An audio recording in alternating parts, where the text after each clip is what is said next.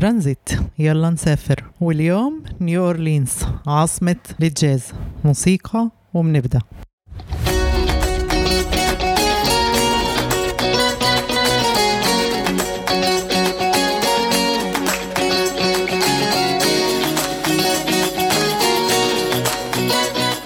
نيو أورلينز أو نولا كيف ما بينادوها المحليين معروفة بعدة أشياء.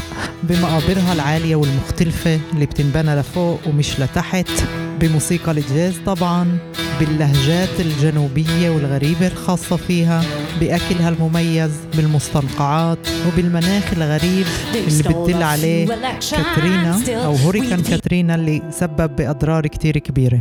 نيو أورلينز هي أكبر مدينة بولاية لويزيانا موجودة على طول نهر الميسيسيبي أكبر نهر في الولايات المتحدة.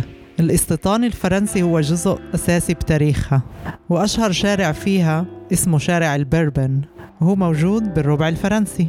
طبعا إذا بتتواجدوا بهذا الشارع رح تتماشوا مع طابعها الخاص لنيو أورلينز. الشارع هو كتير سياحي بجذب لإله كل السياح من كل العالم كمان محليين وكمان من برا. كل محل في صوت الموسيقى موسيقى الجاز موجود عزف من فرق أو أفراد بالشارع وبالمطاعم بالبارات بكل محل. الناس بترقص جوا وبترقص برا. أجواء هيك بتخليك تغني وتبتسم وتكون بإريحية وانبساط. طبيعها الخاص والمميز وانفتاحها الثقافي هو جزء من العلامات اللي بتدل على الأجواء اللي بتوقع. أجواءها المختلفة. طبعا الشارع يمتد على 30 block. أكثر مهرجان أو أكبر مهرجان مشهور فيها هو المهرجان المورديغرا مهرجان سنوي اللي فيه بتجتمع الناس وبترقص كمان بالشوارع على البلكونات بكل محل شارع البربن بيكون ملان. طبعا هذا المهرجان بيجي قبل صيام عيد الفصح. ب 40 يوم أو هيك إشي بتميز كتير بالسناسيل الخاصة اللي بتكون على شكل دائري زي الخرز. يعني إذا حضرتوا إحدى الأفلام أو إحدى المسلسلات اللي بتتصور بنيو أورلينز فغالبا شفتوا لهذا السنسال. الناس بتكون على البلاكين بتزت للناس اللي موجودة بالشارع. هذا الطابع من المباني كمان بيميزها لنيو أورلينز. يعني جولة كتير بسيطة في المدينة. تكشف جمال البناء والمباني ويمكن ما يكونش دارج بأمريكا بس دارج بنيو أورلينز. وبما إنه حكينا على المباني فشو قصة المقابر بنيو أورلينز؟ ليه كلها لفوق؟ ما بقبروش لتحت ما بيفحروش بالأرض وبقبروا بسبب وجود المياه العالية؟ يعني إذا حفروا القبر فالقبر بتعبى مي. فلهيك هم بقبروا لفوق. شوي غريب بس حتى هذا الطابع عم بيجذب لإله سياحة. يعني مقابر نيو أورلينز تختلف عن مقابر باقي العالم. ومش بس هذا اللي بيميز نيو أورلينز كمان المستنقعات اللي فيها حياة كاملة بتميزها. أنا أخذت رحلة لهاي المستنقعات طلعنا بهاي السفن اللي فيها هوايات من ورا وأخذنا جولة بالمستنقعات حطينا على دينينا السماعات. كانت يعني بالنسبة لي هاي تجربة أولى أنه أكون بهيك سفينة وأحط السماعات. حسيت حالي بإحدى المشاهد من المسلسلات اللي بحب أحضرها زي CSI ميامي أو NCIS نيو اورلينز أو كل محل اللي فيه هاي المستنقعات دايما بيحطوا هدول السماعات لأنه السرعة اللي بتكون ماشي فيها كتير عالية الهواء اللي بيرتد كمان بيكون كتير مزعج. بشي مرحلة بنوقف بقعد يشرح لنا المرشد عن المحل وعن المستنقعات وعن الحياة الموجودة فيه. غير التماسيح رح تلاقوا كمان الحياية. غزلان خنازير سناجب راكونز وكتير أشياء اللي ما توقعتهاش. الدخلة للمستنقعات ملانة بشجر هيك قديم اللي مبين عليه صار له كتير فترة كتير طويلة. كتير مشابه للي حضر فيلم الأميرة والضفدع. كتير مشابه لشو كان هناك. اللي كان بضحك بهاي التجربة إنه كان إحنا كنا خمسة بالسفينة.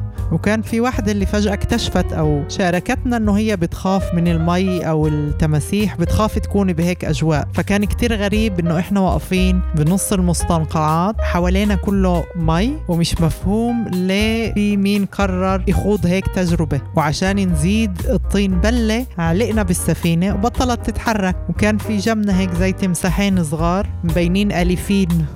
مع المرشد لأنه كان يطعميهم مارشميلو بس إنه كان مشهد سورياليستي شوي.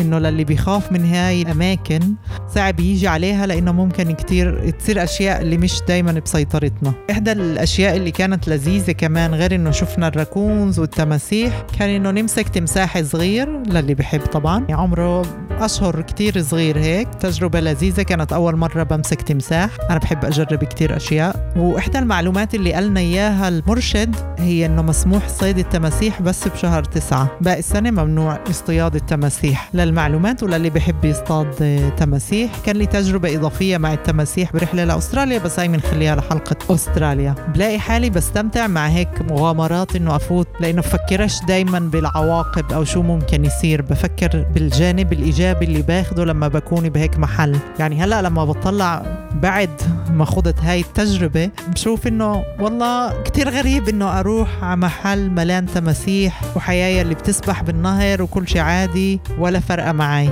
لأنه الفكرة إنه أشوف جمال الطبيعة اللي موجود هناك اللي هو مش متاح بالمنطقة اللي أنا موجود فيها كان يغطي على هذا الإشي. كان لي أهم من أي إشي تاني. طبعا من رحلة المستنقعات رجعت على البلد على الطريق من البلد للمستنقعات مرينا بكل المحلات اللي شفنا فيها الأضرار اللي خلفتها hurricane كاترينا كان رهيب. بهذا ال hurricane كتير ناس خسرت بيوتها خسرت مش بس محل تسكن فيه محل عملها يعني كان عنجد catastrophe بكل معنى الكلمة كارثة طبيعية وهذا إحدى الأشياء أو سببها المناخ الخاص اللي موجود في هاي المنطقة. بس تعالوا نرجع شوي للأجواء الحلوة اللي موجودة بنيو أورلينز. يمكن من الأشياء الحلوة اللي بتصير بالرحلات إنه منصادف أو منقابل رحالة تانية من بلاد تانية.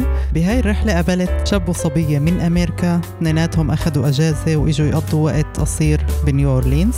الشاب عمل house sitting والصبية عملت couch surfing ال house sitting هو عبارة عن إنه نحافظ على البيت مقابل السكن والمعيشة هناك. ال couch surfing حدا بيستضيفنا عنده وممكن ننام على الكنباي أو على تخت أو شو عنده يعرض. طبعا الشاب عرفني على كتير طرق تصوير لذيذة وجديدة. هو بيصور فيديو بالعادي فيديو كليبات. فعملنا مشوار على البسكليتات لفينا نيو أورلينز وصورنا كل جرافيتي اللي موجود بالحارات. وإحنا ماشيين التقينا بمجموعة اللي بتعمل يوم للبسكليتات بمعنى بيقضوا كل يوم ثلاثة بعد الظهر بيلتقوا أهل الحارة أو أهل البلد وبيمشوا على البسكليتات وبيلفوا كل البلد. وهذا إشي متفق عليه والأهل البلد بتقبلوه بشكل كتير حلو. وهدفهم هم يحافظوا على ال community على المجتمع المصغر لإلهم. كلهم Afro-Americans فكان لهم كتير صبابة. أنا كنت مستأجرة بسكليت شت البلدية. الشاب كان مستأجر أو ماخذ البسكليت شتون أصحاب البيت اللي هو بدير بالي لهم على بيتهم. ولفينا معهم هيك البلد وكمان انكشفنا على ثقافة جديدة أو طابع غير اجتماعي للبلد. كان كتير روعة كان كتير لذيذ. وبس يخلصوا لفتهم بيعملوا هيك باربيكيو أمريكاني بيشبهش ولا بأي طريقة. المشاوي اللي إحنا متعودين عليها المشاوي عندنا كتير أذكى. بعد لازم يتعلموا أشياء هم بيحبوا كتير أشياء هيك غريبة وعجيبة. فما علينا بالاكل ما كانيش كتير ذكي. هو الأكل الأمريكاني ما كانش ظابط معي كتير هيك صوصات كتير غريبة والوحيد اللي حبيته من ناحية أكل بنيو أورلينز كان إنه في shrimps بكل إشي. بمعنى طلبت العجة وكان فيها shrimps كل إشي كل أكلة فيها shrimps وفي عندهم ال dish المفضل عندهم هو إذا أنا مش غلطانة لوبيا مع رز و shrimps طبعا. فأنا رحت وذقته هذا الإشي وما لقيتش فيه إشي كتير غريب بس أوكي. وفي عندهم تحلاي اللي هي آه لذيذة وتشبه هيك ال donuts على صغير ملانة سكر إشي كتير روعة. بس كمان مرة مش إشي ما كانش أو ما دقناش وفي التشيريوز طبعا كمان لذيذ. وفي oysters وأشياء كتير لذيذة. المهم إحنا بعاصمة الجاز فالمفروض أسمع كتير جاز. نفس الفترة كان في مهرجان جاز الخمسين. في نص البلد كان عرض لموسيقى جاز قديم. هلا أنا مش خبيرة بالجاز بس كان لذيذ إنه أحضر العرض. كان في حلقة لل VIP وحلقة لعامة الشعب. أشياء اللي ممكن اتعلمها من الثقافه هي كيف كلهم بيجيبوا معهم كراسيهم بيجيبوا فرشات أو حصيرة لأنه العرض بمحل مفتوح فهم بيهيئوا حالهم للوضع. وكمان بيكون على الجوانب كثير أكشاك ببيعوا أكل مشروب أواعي كل إشي بخص المهرجان أو بخصش المهرجان الكل بيجي وبيعرض. بس مش هذا كان المهرجان إنما المهرجان كان بساحة مفتوحة بإسطبل أو محل كانوا يعملوا فيه سباق حصونة. المحل كان كتير روعة تعرفت عليه عن طريق الصبية اللي قابلتها اللي هي بشكل دائم تتطوع بمهرجانات مختلفة وبالتالي بتفوت على المهرجان ببلاش. هيك هي بتفوت على كل المهرجانات بأمريكا فهي كمان طريقة تقدروا تقتصدوا فيها إذا بتتطوعوا بشي مهرجان. تقدروا تفوتوا على المهرجان ببلاش رح تشتغلوا كم ساعة بس بسوى الإشي. المهرجان كان ملان عروضات لفنانين مختلفين من أمريكا كلهم على الجاز طبعا بعرفش ولا واحد فيهم. كان لذيذ إنه أشوف عازف الجيتارة كيف بيلعب على الجيتارة. وكان في مغنية feminist كمان كان لذيذ ال feminism كان on the house بعتقد حطيت فيديو عليها كمان على اليوتيوب وكمان على الإنستا فممكن تشوفوه. الحلو كان إنك إنه أشوف هذا الكم الهائل من الناس. بتقدر تكون بنفس المحل من غير ما يكون شوشرة أو مشاكل لأنه في إشي بثقافتهم اللي هم متعودين عليه. وطبعا كمان بالثقافة هاي موجود الأكل في ساحة كثير كبيرة في أكشاك مختلفة اللي هي عبارة عن عربيات أو كرفانات اللي واقفين فيها أو food truck هي الأصح إنه أقول واقفين فيها وبيقدموا لك أو بيقدموا لك الأكل. لإلي هاي كانت تجربة ثقافية كتير كبيرة يمكن أكثر تجربة ثقافية لإلي بأمريكا لأنها مختلفة أو مناسبة لشو كنت أشوف بالأفلام والمسلسلات القديمة. الإحساس كان كتير رائع لدرجة إنه من كتر ما أنا حبيت الفكرة رحت شريت بلوزة مكتوب عليها مهرجان للجاز الخمسين. بعرفش إذا رح ألبسها كمان مرة بس شريت ومنيح اللي بس وقفت هناك وما كملتش أشتري كمان أشياء. لا كملت أشتري. ثاني يوم بعد المهرجان آه أسف قبل تاني يوم للمهرجان. كمان وصلنا على البسكليتات. استأجرناهم من البلدية وصلنا للمهرجان وبالرجعة رجعت. كيف تنقلت؟ إذا بتسألوا بما إني أنا ولا مرة كنت بنيو أورلينز Google Maps. Google Maps بتساعد فيه كتير مع إنه بيعصبني بكتير أشياء بس ما زلت بركن عليه يوصلني للمحل اللي أنا بدي إياه.